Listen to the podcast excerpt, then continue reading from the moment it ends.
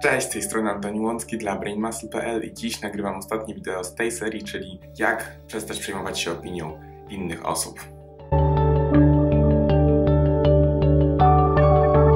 Dzięki jeszcze raz za wszystkie komentarze i za wszystkie wiadomości, które do mnie wysyłaliście. Natomiast zauważyłem taką pewną zależność, że jeżeli wideo jest trochę za długie, to nie za bardzo ludzie chcą je oglądać, więc postaram się w tym wideo jak, w jak najkrótszym czasie zawrzeć jak najwięcej konkretów. Ok, więc zaczynamy. Yy, w poprzednim wideo skończyliśmy na tym, że ustaliliśmy, że żeby zmienić to, jak podchodzisz do zadowalania innych ludzi, do tego, co oni o tobie myślą, musisz uświadomić sobie, że ta strategia, którą teraz wykonujesz, czyli to, że przejmujesz się tak bardzo ich opinią i to, że zależy ci na tym, żeby jak najlepiej przed nimi wypaść, jest zła. Bo jeżeli sobie tego nie uświadomisz, jeżeli nie uznasz, że jest to zła strategia i niszcząca dla ciebie, to nigdy w życiu jej nie zmienisz, dlatego że jeżeli uważamy coś za dobre, to nie chcemy tego zmieniać. Szczególnie, że nasz mózg bardzo nie lubi zmian, więc będzie robił wszystko, żeby znaleźć powody, dla których tego nie robić. Czyli będzie ci wmawiał, że ludzie przestaną cię lubić, że y, twoja kariera się posypie, że cokolwiek innego. Znajdziesz mnóstwo wymówek,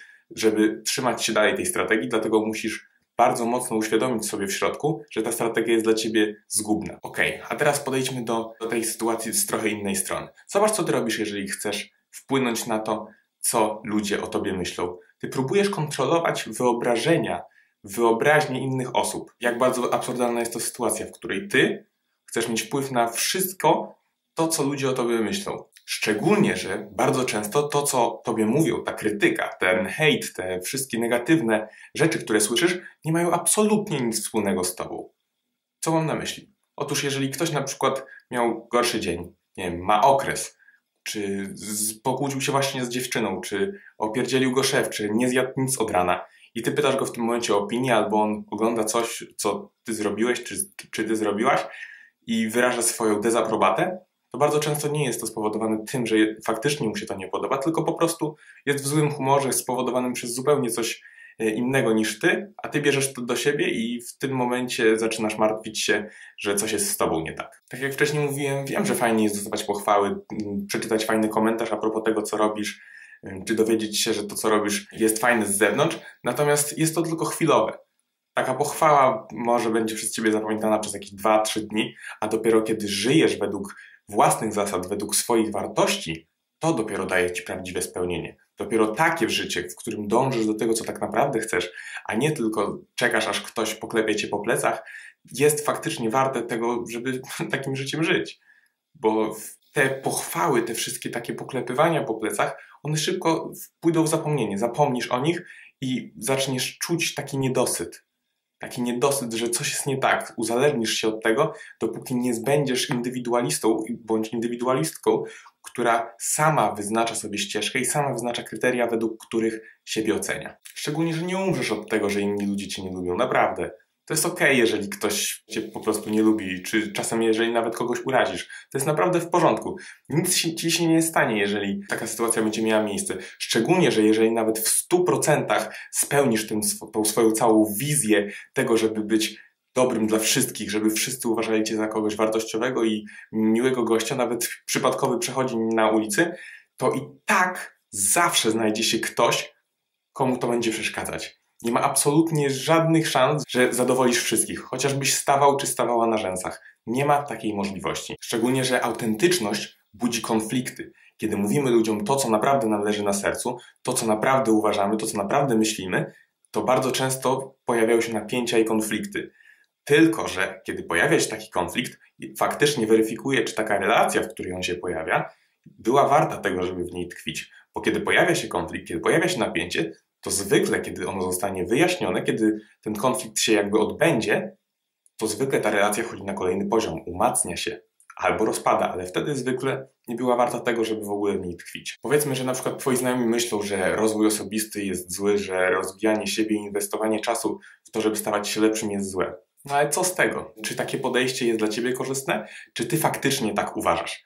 Nie kieruj się tym, co ludzie o tobie myślą, czy tym, co myślą o tym, co robisz, tylko samemu definiuj to, co jest dla ciebie istotne, co jest dla ciebie ważne, co jest dla ciebie złe i co jest dla ciebie dobre. Bo masz wybór. Albo wybrać swoje marzenia, albo przeciętność. Nie ma tutaj drogi pomiędzy.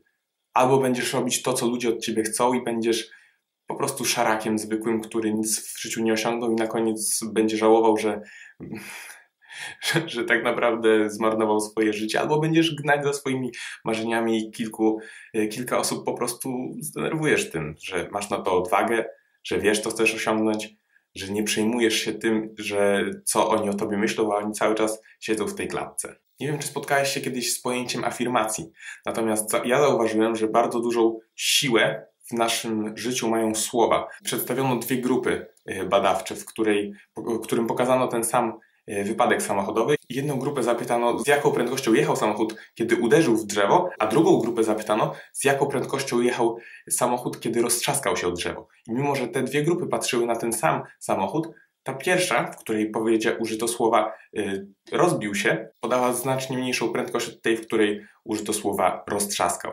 Więc y, dlaczego o tym mówię? Dlatego, że semantyka i słowa, które do siebie mówimy, mają ogromne znaczenie. Dlatego chciałbym, żebyś właśnie teraz powiedział ze mną: Jestem zupełnie wolny od opinii innych ludzi. Jestem zupełnie wolna od opinii innych ludzi. I powtarzaj to sobie codziennie przez 90 dni, zawsze jak, rano jak się obudzisz, bądź wieczorem zanim pójdziesz spać. Niech to wryje się w Twoją głowę. Niech to będzie Twoja mantra codzienna, żeby zapamiętać to, żeby to wbiło się w Twoją podświadomość. Wiem, że możesz Cię to rozśmieszyć, że co ja będę sobie gadał jakieś głupie zdania do głowy, ale to naprawdę działa. To naprawdę działa, sprawdziłem to na sobie i wierz mi, będziesz zdziwiony lub zdziwiona tym, jak taka prosta rzecz może faktycznie zmienić twoje, Twój sposób myślenia. Ale pamiętaj też, że to wszystko, co mówię, nie jest skierowane dla osób, które już są bardziej, że tak powiem, wolne od tej opinii, które są właśnie takimi właśnie dupkami, którzy mają w dupie opinię innych osób. Dla nich mógłbym mówić bardziej właśnie o empatii, o tym, czego ty masz za dużo, o tym, jak właśnie zacząć przejmować się opinią innych ludzi, ponieważ to jest zupełnie inna skrajność. Natomiast ty potrzebujesz właśnie pójść trochę w tą drugą skrajność, żeby uwolnić się od opinii tych innych osób, żeby być faktycznie w końcu wolnym i wolną. I kiedy faktycznie zaczniesz żyć według własnych zasad i przestać przejmować się opinią innych ludzi, oczywiście, że część osób się od ciebie odwróci. To logiczne, ale inna część zacznie w końcu cię szanować bo zobaczy, że jesteś autentyczny, że jesteś autentyczna, że nie zależy ci na tym, że, żeby cię lubili, ale też nie jesteś absolutnie gnojem, który wszystkimi gardzi, tylko znasz swoją drogę i podążasz nią.